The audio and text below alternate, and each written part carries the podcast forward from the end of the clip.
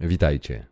Dzisiaj opowiem o moich doświadczeniach z tak zwanym rozwojem osobistym oraz wyjaśnię, dlaczego uważam to za fundamentalną sprawę w polepszeniu relacji męsko-damskich oraz szerzej międzyludzkich. Zapraszam. Na podstawie mojego dotychczasowego życia uważam, że są dwa fundamenty rozwoju osobistego. Przenikają się i uzupełniają jak znak yin i yang. Jeden prowadzi do drugiego oraz w każdym z nich jest element tego drugiego. Te dwa filary to wiedza o świecie i wiedza o samym sobie.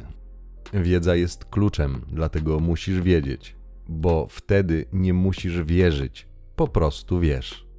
Pierwszy fundament, czyli wiedza o świecie, jest istotna, ponieważ pozwala odpowiedzieć na podstawowe pytania, to znaczy, co tu się w ogóle dzieje. Niestety tutaj nie ma prostej drogi. Trzeba obserwować, doświadczać, pytać, sprawdzać, czerpać wiedzę skąd się da. Może być z tym pewien problem, gdyż obecnie wiele, jeżeli nie wszystkie firmy mediowe walczą o Twoją uwagę. Znają jednocześnie mechanizmy, jak w naukowy sposób zwiększyć swoje szanse, abyś Ty zwrócił uwagę właśnie na nich.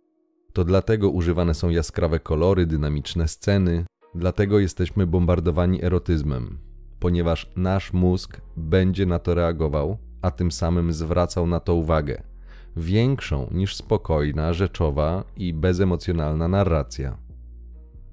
Niezwykle ważne jest, abyś bardzo pilnował tego, co w ten sposób wpuszczasz do swojej głowy, na przykład przez oglądanie, jak ja to nazywam, mózgotrzepów w telewizji.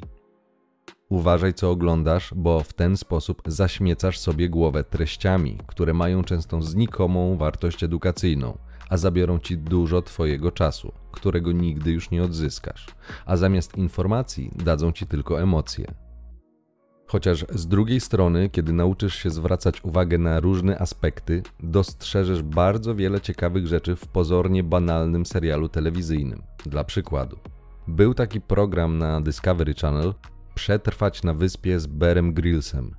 Jeden sezon ukazuje mężczyzn, którzy zostają zdesantowani na jakąś pacyficzną wyspę, na której muszą przeżyć kilkanaście dni bez pomocy ze zewnątrz. Drugi sezon to takie samo zadanie, ale uczestniczkami są tylko kobiety. Jeżeli zaczniesz oglądać ten program pod kątem zachowań międzyludzkich, a nie zadań survivalowych, to zobaczysz, jak pozbawieni cywilizacyjnych udogodnień ludzie zaczynają działać na podstawie swoich pierwotnych instynktów, pierwotnych programów. To socjologicznie arcyciekawy program. Polecam obejrzeć, ponieważ różnice między zachowaniem się mężczyzn i kobiet będziesz miał podane jak na tacy. Dzięki temu nie musisz samemu stawać się Robinsonem Crusoe i lądować na bezludnej wyspie. Musisz tylko obserwować świat w różnych sytuacjach, z różnych perspektyw i najważniejsze, wyciągać z tych obserwacji wnioski. Dla mnie to fascynująca sprawa. Drugim sposobem, bardzo przydatnym w poznawaniu świata, jest czytanie. Jak pokazują statystyki, z tym w Polsce jest cieniutko. Według danych Biblioteki Narodowej w 2019 roku ponad 60% osób nie przeczytało ani jednej książki. Zachęcam cię, nie bądź taką osobą.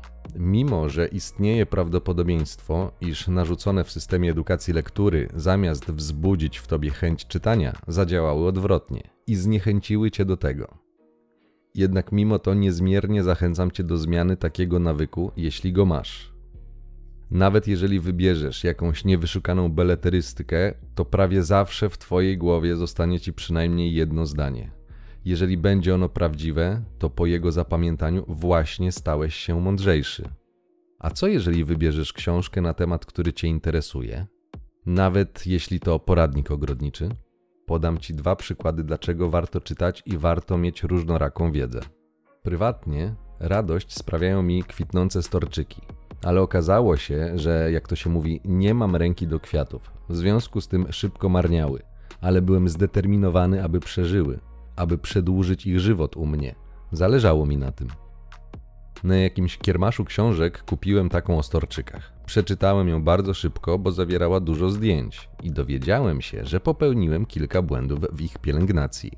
Po pierwsze, zbyt obficie podlewałem je. Po drugie, gotowałem je, gdyż stały na parapecie w pełnym słońcu, a to są rośliny, którym silne nasłonecznienie szkodzi zamiast pomagać. Storczyki powinny być schowane w cieniu, ponieważ w naturalnych warunkach korony drzew dają im ochronę przed zbyt silnym słońcem. W ten sposób dowiedziałem się, jak dbać o storczyki, dzięki czemu od czterech lat nie kupiłem nowego, tylko cieszę się starymi.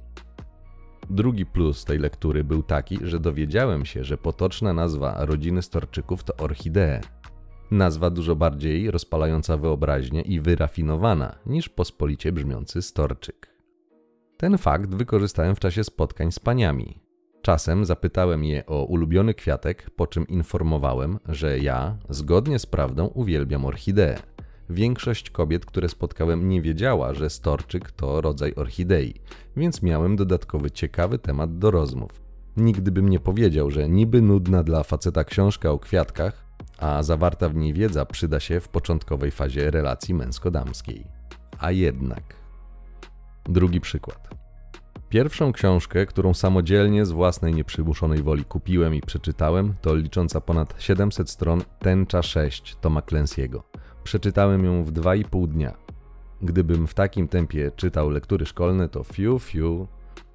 Byłem bardzo zmotywowany, ponieważ chciałem wiedzieć, o czym jest ta książka. Znałem tylko grę komputerową o takim tytule, którą bardzo lubiłem. Okazało się, że lektura bardzo mnie wciągnęła i bardzo umiliła mi czas. To przyjemne doświadczenie czytelnicze zaprowadziło mnie do kolejnej książki. Jak wtedy sądziłem podobnej. Delta Force Erika Haneya. To biografia operatora amerykańskich sił specjalnych, który między innymi opisuje elementy ich szkolenia i działania tej formacji. Tutaj dochodzę do szczególnego znaczenia tej książki. Autor opisuje, jak w czasie formowania jednostki trenowali ich ludzie z różnych służb, od wojskowych strzelców, saperów i operatorów brytyjskiego SAS po szpiegów z CIA. Autor taki trening tłumaczył w następujący sposób. Jeżeli chcesz zostać antyterrorystą, najpierw musisz stać się terrorystą, dlatego że tylko w ten sposób będziesz wiedział, jak myśli i działa prawdziwy terrorysta, a dzięki temu będziesz mógł przewidzieć jego ruch i być lepszy od niego. To zdanie zapadło mi głęboko w pamięć. Jego znaczenia wtedy do końca nie rozumiałem. Zrozumienie przyszło po latach. To zdanie przypomniałem sobie, kiedy po latach opowiedziałem swoją historię nieudanego związku przyjacielowi, który po krótkim namyśle skwitował to. Stary to była terrorystka. Wtedy momentalnie przypomniałem sobie to z pozoru niewinne zdanie z przeczytanej przed laty dla zabicia czasu książki. Wiedziałem, w niezrozumiany wtedy dla mnie sposób czułem, że aby w przyszłości chronić siebie i unikać toksycznych akcji, najpierw muszę nauczyć się działać i myśleć jak terrorysta, aby móc przeciwdziałać. Więc zacząłem swoje szkolenie. Mój wniosek z tej historii jest taki: czytaj i ucz się, bo nigdy nie wiesz, kiedy nawet niewinne zdanie może ci się przydać i de facto zmienić bieg twojego życia lub przynajmniej jakiejś jego części. Jeśli nie lubisz książek i tego dla mnie przyjemnego zapachu nowego papieru oraz satysfakcji z jej przeczytania, bardzo wiele wartościowych rzeczy znajdziesz w sieci. Masz dostęp do wiedzy praktycznie z całego świata, wykłady i materiały z najlepszych uniwersytetów, a nawet spostrzeżenia praktyków danego tematu. Harvard, Stanford, proszę bardzo. Teraz wszystko jest na wyciągnięcie ręki, tylko musisz chcieć to zrobić, bo nikt inny nie wykona za ciebie pracy. A pokus do rozpraszania twojej uwagi będzie bardzo dużo. Czytanie, w przeciwieństwie do oglądania, ma kilka ogromnych zalet. Wzmacnia pamięć, to swoisty trening mózgu. Rozwija wyobraźnię, ponieważ czytając coś, co cię interesuje, będziesz się nad tym skupiał, a to spowoduje, że zaczniesz wizualizować sobie to, co czytasz bo przecież to tylko tekst, ciąg znaków zwanych literami, ale obrazy pojawią się w Twojej głowie. Skupienie się nad jednym zadaniem spowoduje, że powoli zaczniesz uczyć swój mózg koncentracji na jednej rzeczy, zamiast skakać z tematu na temat, z myśli na myśl. Czytanie to świetny, mimowolny trening koncentracji. Przez czytanie, co oczywiste, poszerzysz wiedzę i światopogląd, a nawet jeśli z czymś nie będziesz się zgadzał, to będzie znaczyło, że przeczytałeś ze zrozumieniem, czyli zaangażowałeś się i wykonałeś pracę umysłową, chociażby po to, aby znaleźć w swojej pamięci argumenty przeciwko podanym informacjom lub tezie. Jeżeli z różnych względów nie masz szerokich zainteresowań, takiej powiedziałbym dziecięcej ciekawości świata, to skup się tylko na tym, co Cię interesuje, bez względu jak dziwne wyda się to Twojemu otoczeniu. Zawsze znaj swój cel. Miej świadomość, dlaczego to czytasz i co chcesz przez to osiągnąć. Dzięki temu zaoszczędzisz swój czas. Jeżeli interesuje Cię jakiś konkretny temat, czytaj wszystko, co wpadnie Ci w ręce z tego zakresu. Właśnie w ten sposób buduje się teoretyczne podwaliny pod praktykę. Nie przejmuj się, jeśli ktoś nie będzie rozumiał Twoich zainteresowań. Nie musi. Ważne, żeby Tobie sprawiało to radość. Nigdy nie wiesz, gdzie dokładnie Cię to zaprowadzi. Praktyka i tak sprawi, że zaczniesz uczyć się 4-5 razy szybciej niż tylko czytając. Interesują Cię motyle? Bardzo dobrze, czytaj o motylach. Może przyda Ci się to w entomologii. Interesuje Cię piasek i kamienie? Bardzo dobrze, może przyda Ci się to w profesji geologa. Nigdy nie wiesz. Bądź po prostu ciekawy świata i zdobywaj wiedzę na jego temat. Im więcej wiedzy zdobędziesz, tym łatwiej ci będzie podejmować decyzje, ponieważ będziesz wiedział, jakie konsekwencje przynoszą konkretne działania. Działania przynoszą doświadczenie, a łącznie taka wiedza i praktyka spowoduje, że wzrośnie Twoja świadomość. Sama teoretyczna wiedza jest potrzebna, ale to trochę za mało, szczególnie w relacjach, ponieważ działania wywołują emocje, a one będą zaburzały Twój ogląd rzeczywistości. Dlatego potrzebna jest praktyka i wykorzystanie teoretycznej wiedzy w konkretnych działaniach. Drugi nieodłączny filar swojego rozwoju to wiedza o samym sobie. Ten wie, tamten wie, tylko ja nie wiem. Może coś przeoczyłem, a może nie znam sam siebie. Mam tu na myśli poznanie swoich mechanizmów psychologicznych, emocjonalnych, a nawet podświadomych, ponieważ w podświadomości każdego człowieka kryje się wielka siła. Jeżeli chociaż w minimalnym stopniu będziesz umiał ją ukierunkować, albo przynajmniej na początek zauważyć, a następnie zrozumieć, będziesz do przodu w stosunku do tych, którzy nie mają tej wiedzy. Samoświadomość jest bardzo ważna. Wiedzieli o tym już w starożytności. Jedna z tak zwanych maksym delfickich mówi wprost: poznaj samego siebie. Kiedyś kipiałem, teraz śmieję się szczerze, tak mało wiem o sobie, a chcę coś więcej wiedzieć, szukam źródeł tej w moim rozumieniu to zdanie ma kilka aspektów. Pierwszy oznacza, że robisz inwentaryzację swoich słabych i mocnych stron. To pozwoli ci bardziej efektywnie wykorzystywać talenty, jakie niewątpliwie masz, a przez to oszczędzisz czas. Przykładowo, kiedy zacząłem swoją pracę nad sobą, zaobserwowałem, że z natury nie jestem dominujący. Zdarzały się sytuacje, gdzie taki byłem, ale nie zawsze i nie w każdej sytuacji. Kiedy wiedziałem już, że taki jestem, a mówiąc bardziej precyzyjnie, jak się zachowuję, to rozróżnienie jest istotne, ponieważ zachowanie nie jest tożsamością. Zachowanie zawsze możesz zmienić, osobowość już trudniej. Zacząłem analizować sytuacje, w których byłem dominujący, i okazało się, że w moim przypadku wspólnym mianownikiem była zawsze reakcja, czyli sam z siebie miałem tendencję do przejawiania działania dopiero w wyniku zewnętrznego bodźca, jakiegoś wydarzenia. Gdy dowiedziałem się, jak i kiedy reaguję, zacząłem szukać informacji o motywacji i dowiedziałem się, że moje podstawowe zachowanie fachowo określane jest jako postawa reaktywna i charakteryzuje się tym, że byłem nastawiony bardziej na unikanie niż aktywne dążenie. Dla zobrazowania przykład. Osoba proaktywna będzie pracowała, aby być bogata. Osoba reaktywna będzie pracowała, aby nie być biedna. Lub inaczej, bardziej ogólnie. Osoba proaktywna dąży do sukcesu, osoba reaktywna unika porażki. Poznanie samego siebie w tym jednym aspekcie pozwoli ci, jeżeli jesteś tak jak ja, reaktywny, zmienić sposób, w jaki myślisz o sobie i w jaki sposób mówisz do siebie, czyli tak zwany dialog wewnętrzny, a to z kolei spowoduje zmianę generowanych i odczuwanych w ciele emocji, które, jeśli zmienisz je z negatywnych na pozytywne, w oczywisty sposób zmienią jakość Twojego życia. Będziesz czuł się ciut przyjemniej. Nawet jeżeli ta zmiana wyniesie tylko 1%, to jest to 1% w dobrą stronę. Pamiętaj, samo nic nie przyjdzie, nic się nie zmieni, dopóki czegoś nie zmienisz. Właśnie dlatego przedstawiłem Ci jeden z powodów, dla których zachęcam Cię do lepszego poznania samego siebie. Będziesz przez to bardziej świadomy. W opisie umieszczę link ciekawego i krótkiego artykułu o temacie motywacji. Pomoże Ci lepiej zrozumieć ten przykład. Znając ten mechanizm, w ogóle mając świadomość jego istnienia, mogłem użyć go, aby przejąć przynajmniej częściową kontrolę nad nim. Wcześniej nawet nie wiedziałem, nie byłem świadomy, że coś takiego jest mechanizmem i że każdy człowiek działa według niego, to jest aktywnie lub reaktywnie. Na marginesie dodam, większość ludzi ma motywację reaktywną, czyli są nastawieni na unikanie. Dlatego tak dobre efekty przynosi zarządzanie przez straszenie, czego efekty widzisz od marca zeszłego roku w postaci zachowania się ludzi w obliczu co najmniej niezrozumiałych dla mnie działań premiera i spółki. Kiedy zdałem sobie sprawę, jak duży wpływ na zachowanie mają słowa, automatycznie zacząłem być ciekawy, dlaczego tak jest, a wtedy trafiłem na lingwistykę, a bardziej precyzyjnie na programowanie neurolingwistyczne.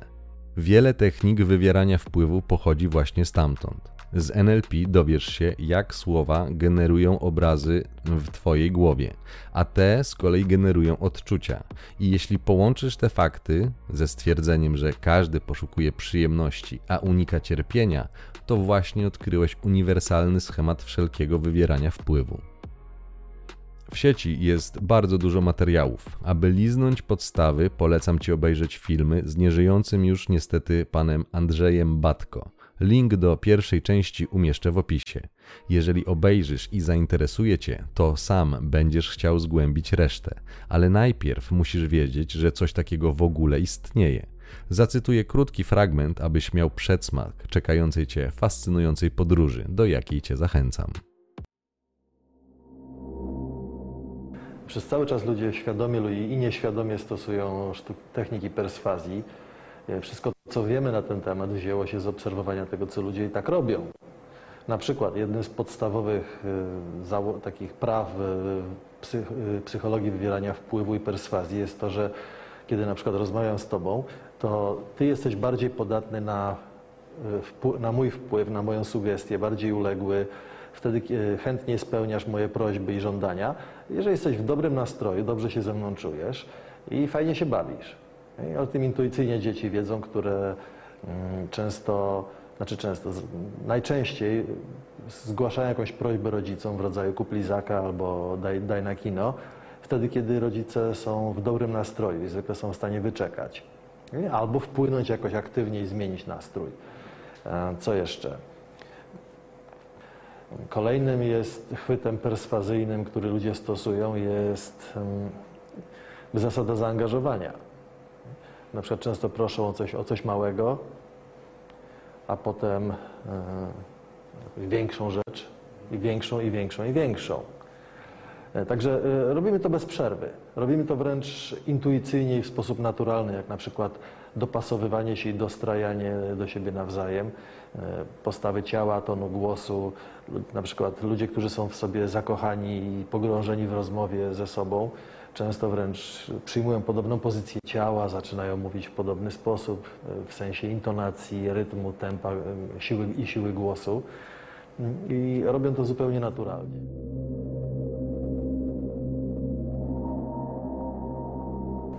No mam, zdradzę tu jedną, jeden z moich naj, największych sekretów, aczkolwiek y, mogę to zrobić bezpiecznie, bo nie jest... Jest to technika, która y, wymaga znacznie więcej niż takie podstawowe od osoby, która ją stosuje. Jest stara jak świat oczywiście. Mianowicie jest taka zasada, że jeżeli dwie osoby siadają do stołu i negocjować, to ta ma większą kontrolę nad przepływem, przebiegiem nego, negocjacji. Ta, która nie jest zdesperowana, może sobie pozwolić, żeby odejść od stołu i nic na tym nie straci. Aczkolwiek gdyby się dogadała, to może zyskać. Natomiast zawsze przegrany jest ten, kto jest zdesperowany, kto musi, kto nie może sobie pozwolić na to, żeby odejść od, od stołu i przerwać negocjacje. Mm, I to jest, to jest największy sekret. Budować, konstruować sobie i organizować swoje sytuacje, swoje życie i swoją pozycję e, w taki sposób, żeby przystępować do tych negocjacji, od których można odejść bez szkody dla siebie i na luzie. Na zasadzie fajnie by było, gdybyśmy zrobili ten interes, oboje byśmy skorzystali, albo obaj byśmy skorzystali, ale jeżeli nie, to świat, mój świat się nie zawali. To daje mi y, potężną siłę negocjacyjną. I ludzie to robią na co dzień też nieświadomie. To można zaobserwować na przykład w relacjach kobiet z mężczyznami, które na to też można patrzeć na przykład na, facet jest zainteresowany kobietą albo kobieta mężczyzną i to jest też w pewnym sensie na początku jest etap negocjacji. Kto kontroluje tę interakcję? Ta osoba, która może sobie podejść, żeby odejść od stołu. No, może od jakiegoś innego mebla, ale nie, ale odejść. Czyli y, zawsze jak się widzi sytuację, w której facet jest zdesperowany, że mu, wiesz, musi ją mieć, prawda? Y, I ta i tylko ta i żadna inna, to ona go kontroluje. On nie ma żadnej y, siły negocjacyjnej, żadnej mocy perswazyjnej. I odwrotnie też oczywiście. Jeśli ona jest ta, która musi z nim być, to oczywiście on, on ma władzę. Poznanie siebie to również zdobycie wiedzy, jak reagujesz na swoje emocje. Żeby to zrobić, w pierwszej kolejności musisz wiedzieć, że odczuwasz jakieś emocje. Większość ludzi traktuje emocje jako coś, co po prostu jest częścią ich życia i nie mają nad tym kontroli. Dzieje się tak wśród mężczyzn, dlatego że programuje się nas, że mamy być silni i nie okazywać emocji i uczuć. Są pewne przesłanki, dlaczego faktycznie nie zawsze warto tak postępować, to znaczy okazywać emocje. Ale nie okazywać uczuć to absolutnie nie znaczy, aby ich nie odczuwać i aby nie być ich świadomym, ponieważ emocje i uczucia to informacja na fizjologicznym poziomie płynąca wprost z Twojego ciała. Jest to bardzo cenna informacja, ponieważ jest szczera. Twój mózg wobec Ciebie nie kłamie, tylko czasem interpretuje on sytuację w nie do końca korzystny dla ciebie i zrozumiały na poziomie logicznym sposób. Tym bardziej musisz wiedzieć. Bardzo dobrze istotę tego stwierdzenia oddaje według mnie cytat z francuskiego dyplomaty i męża stanu z przełomu XVIII i XIX wieku, Taleyranda. Młodym dyplomatom dawał on taką oto jakże prostą radę. Strzeż się swoich pierwszych odruchów. Zwykle są szlachetne. Faktycznie tak jest. Jeżeli zaczniesz zadawać samemu sobie jakiekolwiek pytanie, twój umysł zacznie szukać najlepszej znanej mu odpowiedzi. Zazwyczaj pierwsze, co przyjdzie ci do głowy, jest prawdziwe. Nawet jeżeli nie rozumiesz odpowiedzi, jaką dał ci twój mózg, to zazwyczaj jest ona prawdziwa. Tak robiąc, zaczniesz uczyć się czegoś, co kobiety nazywają intuicją. Podobnie z odczuciami. Pierwsze odczucie zazwyczaj jest prawdziwe na poziomie Twojego ciała i mózgu. Musisz tylko wiedzieć, co ono oznacza i jak je poprawnie zinterpretować. Nieświadomi ludzie mogą zniekształcać taką myśl. To jest interpretację swojego odczucia przez racjonalizację lub wyparcie.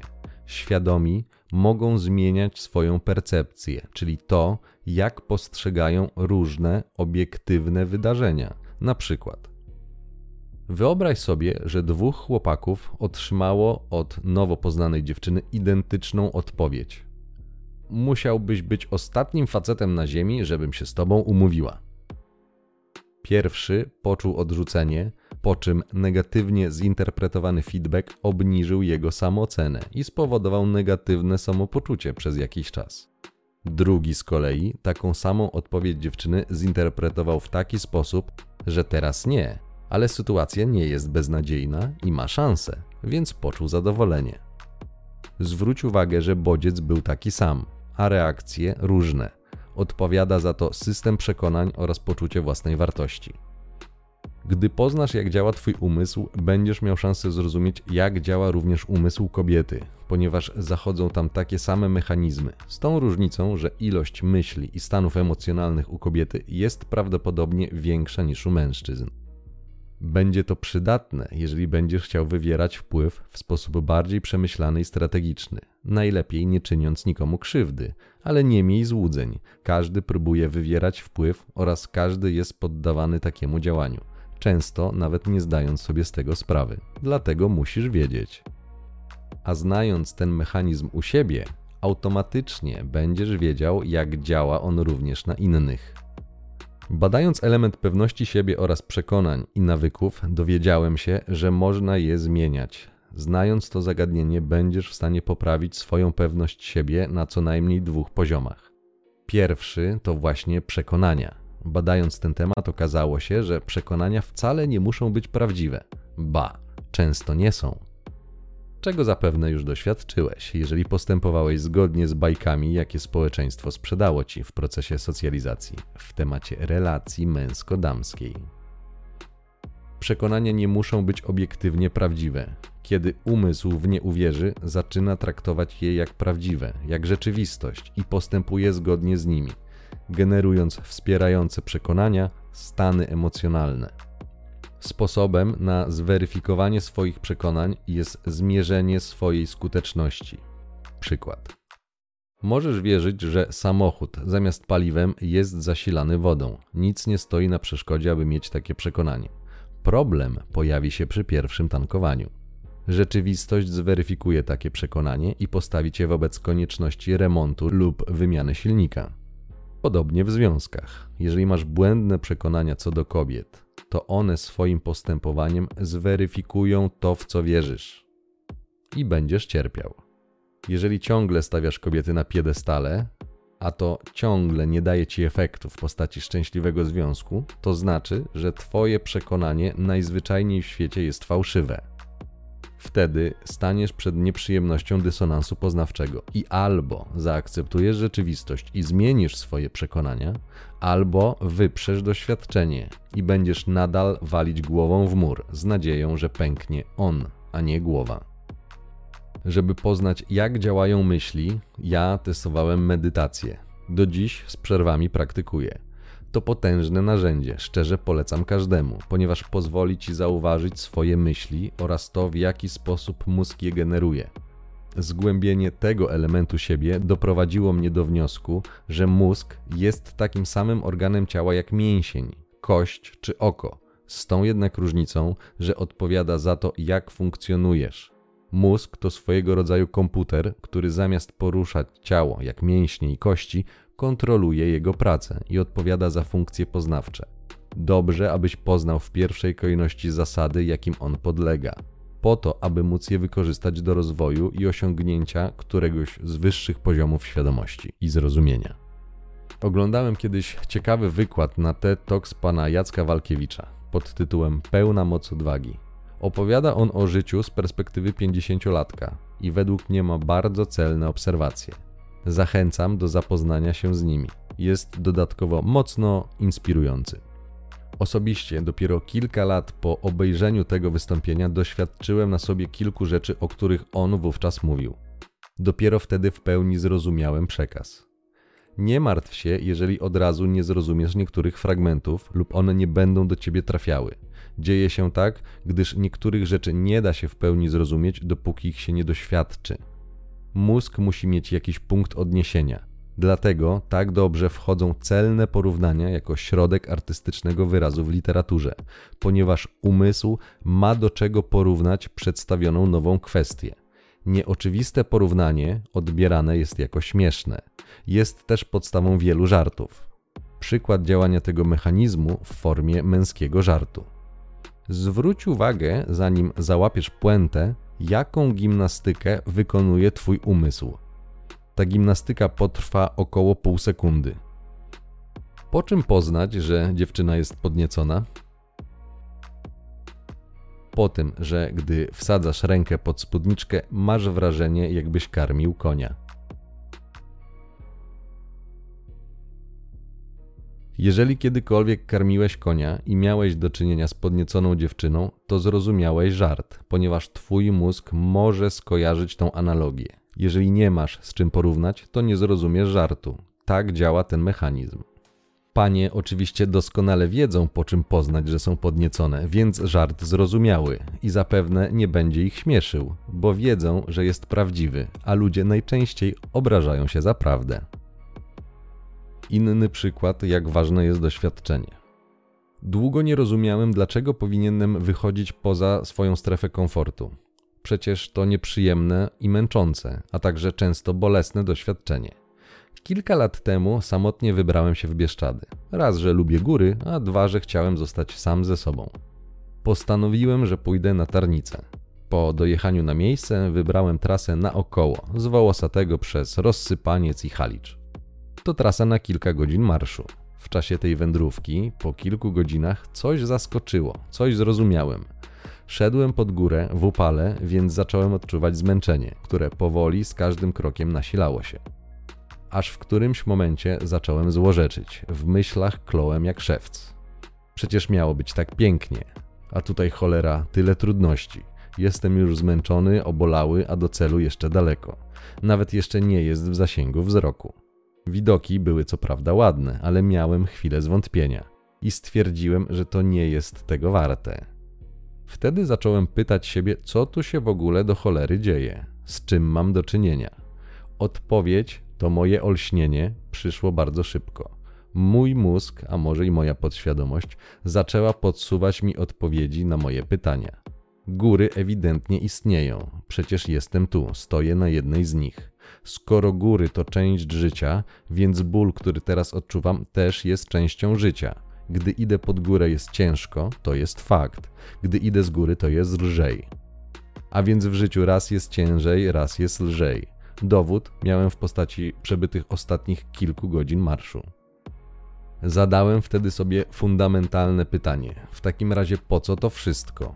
I tutaj było pełne olśnienie. Po nic, po to, żeby doświadczać. Cały sekret ukryty jest w tym, na co zwracasz uwagę. Mogłem albo zwracać uwagę na to, że jestem zmęczony i narzekać, albo skupiać się na doświadczeniu oraz na widokach, które miałem wokół siebie. Wtedy zrozumiałem, że mam taki wybór i tylko ode mnie zależy, czemu będę poświęcał swoją uwagę, a tym samym energię. Tutaj istotna obserwacja. Prawdopodobnie nigdy nie dokonałbym takiego odkrycia, gdybym w tym czasie był na szlaku ze znajomymi. Gadalibyśmy sobie głupotki i swoją uwagę poświęcałbym im, a nie swojemu wnętrzu. Wniosek z tego doświadczenia dla ciebie jest taki, abyś nie bał się być sam ze sobą, bo mimo iż na początku może to być nieprzyjemne doświadczenie ze względu na myśli, jakie z natury próżne i wygodne ego będzie ci generowało, to jednak tylko wtedy masz szansę na obserwację samego siebie. Gdy cała Twoja uwaga będzie poświęcona rozproszeniom, czyli na przykład telewizji, Facebookowi czy nawet YouTube'owi, przegapisz fundament poznania siebie – obserwację, a w konsekwencji zrozumienie. That's it. How did it feel to you? Let me think. Don't think. Feel. It is like a finger pointing away to the moon. Don't concentrate on the finger or you will miss all that heavenly glory. Do you understand?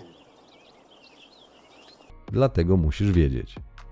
Półtorej godziny później, kiedy już dotarłem na tarnicę, usiadłem i rozglądałem się po okolicy. Wtedy już w spokoju podziwiałem widoki i napawałem się ich pięknem. Byłem z siebie dumny, ponieważ nie zatrzymałem się i nie zacząłem płakać siedząc gdzieś na kamieniu. Zacisnąłem zęby i po prostu poszedłem dalej. Mimo, że bolało. Skupiłem się na celu, a ciało spokojnie dało radę. Problemem były moje myśli i nastawienie. Drugi wniosek jest taki, abyś uważał na swoje myśli, ponieważ to, na czym skupiasz uwagę, wzmacnia się, a to, co ignorujesz, traci moc. Dlatego tak ważne jest, abyś uważał, na czym skupiasz uwagę i co wpuszczasz do swojej głowy, nawet na nieświadomym poziomie. Żeby to zrobić, musisz wiedzieć, jak tego dokonać, dlatego warto mieć wgląd w siebie. Kiedy poznasz samego siebie, to w kontekście relacji będziesz wiedział, kiedy ktoś, nawet w subtelny sposób, przekierowuje Twoją uwagę oraz będziesz już umiał zauważyć, jak zmieniają się Twoje stany emocjonalne. Jeżeli będziesz ich świadomy i użyjesz swojego umysłu, aby ocenić, czy Twoja reakcja emocjonalna jest adekwatna do otaczającej Cię rzeczywistości, staniesz się odporny na większość manipulacji i wpływu, na jaki będziesz wystawiony w swoim życiu. Inni, często tak zwani toksyczni lub interesowni ludzie, będą stosowali na tobie te elementy, nawet jeżeli nie będą świadomi, że tak robią. Tak jak dzieci i niektóre kobiety. Niektóre, ponieważ część z nich doskonale wie, że to, co robi, to manipulacja i robi to z pełną konsekwencją i świadomością efektów, jakie chce uzyskać. W tym kontekście musisz wiedzieć, jak najpierw stać się terrorystą, aby później móc temu przeciwdziałać. Z doświadczenia mogę Ci z całą pewnością powiedzieć, że poświęcenie kilku lat na poznanie siebie to cena absolutnie warta zapłaty. To powinno być nauczane już w podstawówce.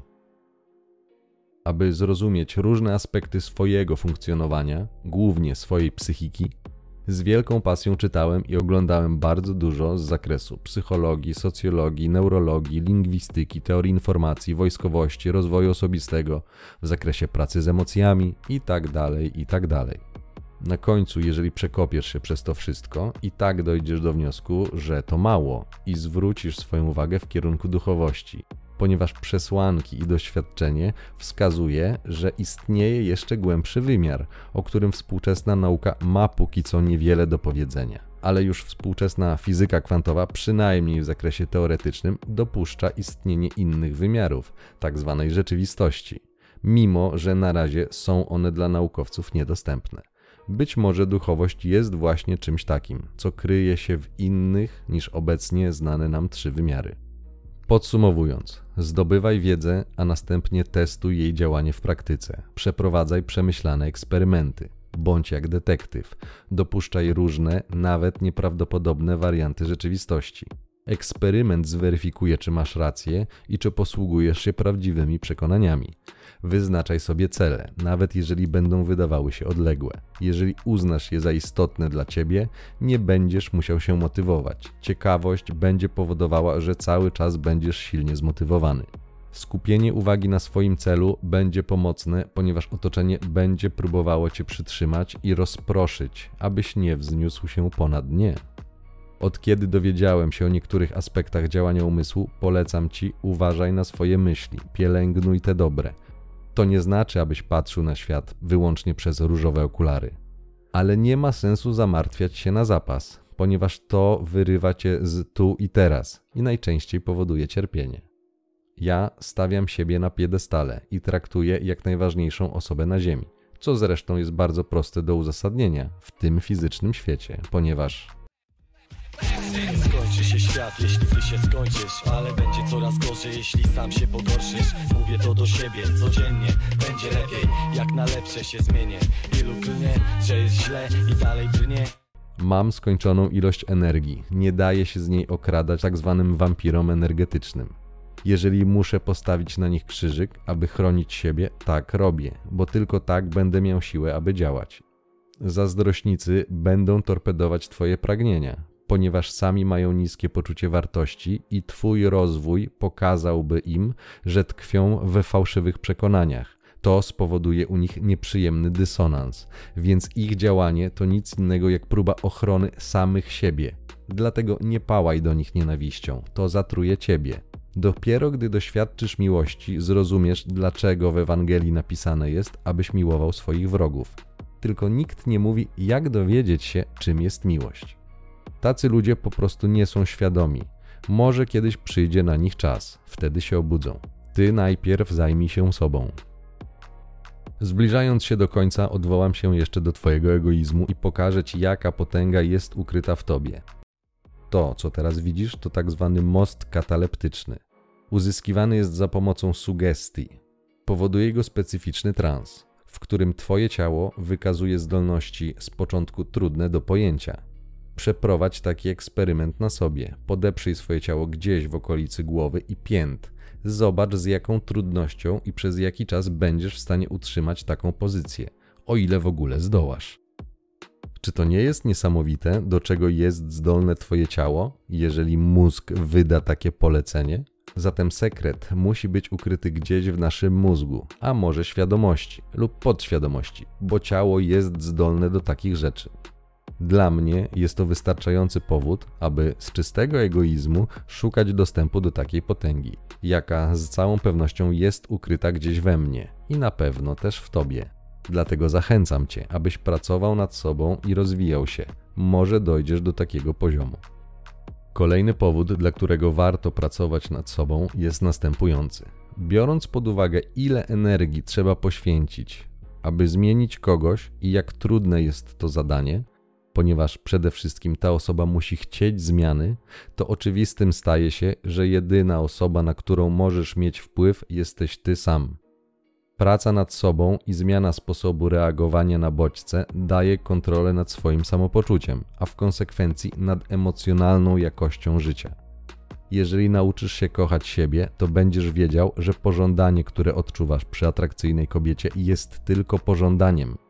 Jeśli wytrenujesz siebie tak, że będziesz odczuwał radość z przebywania ze samym sobą, to nie będziesz potrzebujący szczęścia z zewnątrz, bo sam będziesz mógł je generować. Ostatni powód jest wybitnie obronny. Poznając arkana wywierania wpływu, trafiłem na takie jakże prawdziwe zdanie.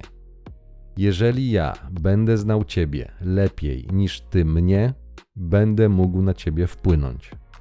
Jeżeli ja będę znał Ciebie lepiej niż Ty sam siebie, będę mógł Cię kontrolować. Zatem warto poznać siebie chociażby, aby uodpornić się na wpływy z zewnątrz, lub przynajmniej, aby być ich świadomym, bo tylko wtedy będziesz mógł obronić siebie. Nie da się walczyć z czymś, czego nie widać. Czy rozwój będzie prosty? Na pewno nie, bo będziesz musiał wyjść poza strefę komfortu. Czy postępy na drodze rozwoju będą szybkie? Prawdopodobnie nie, jak wszystko co dobre w życiu wymaga czasu. Nagle zazwyczaj zdarzają się tylko tragedie. Czy Twoje życie automatycznie stanie się w jakiś magiczny sposób cudowne? Raczej nie. Czy warto pracować nad sobą? Zdecydowanie tak. Ciąg dalszy nastąpi.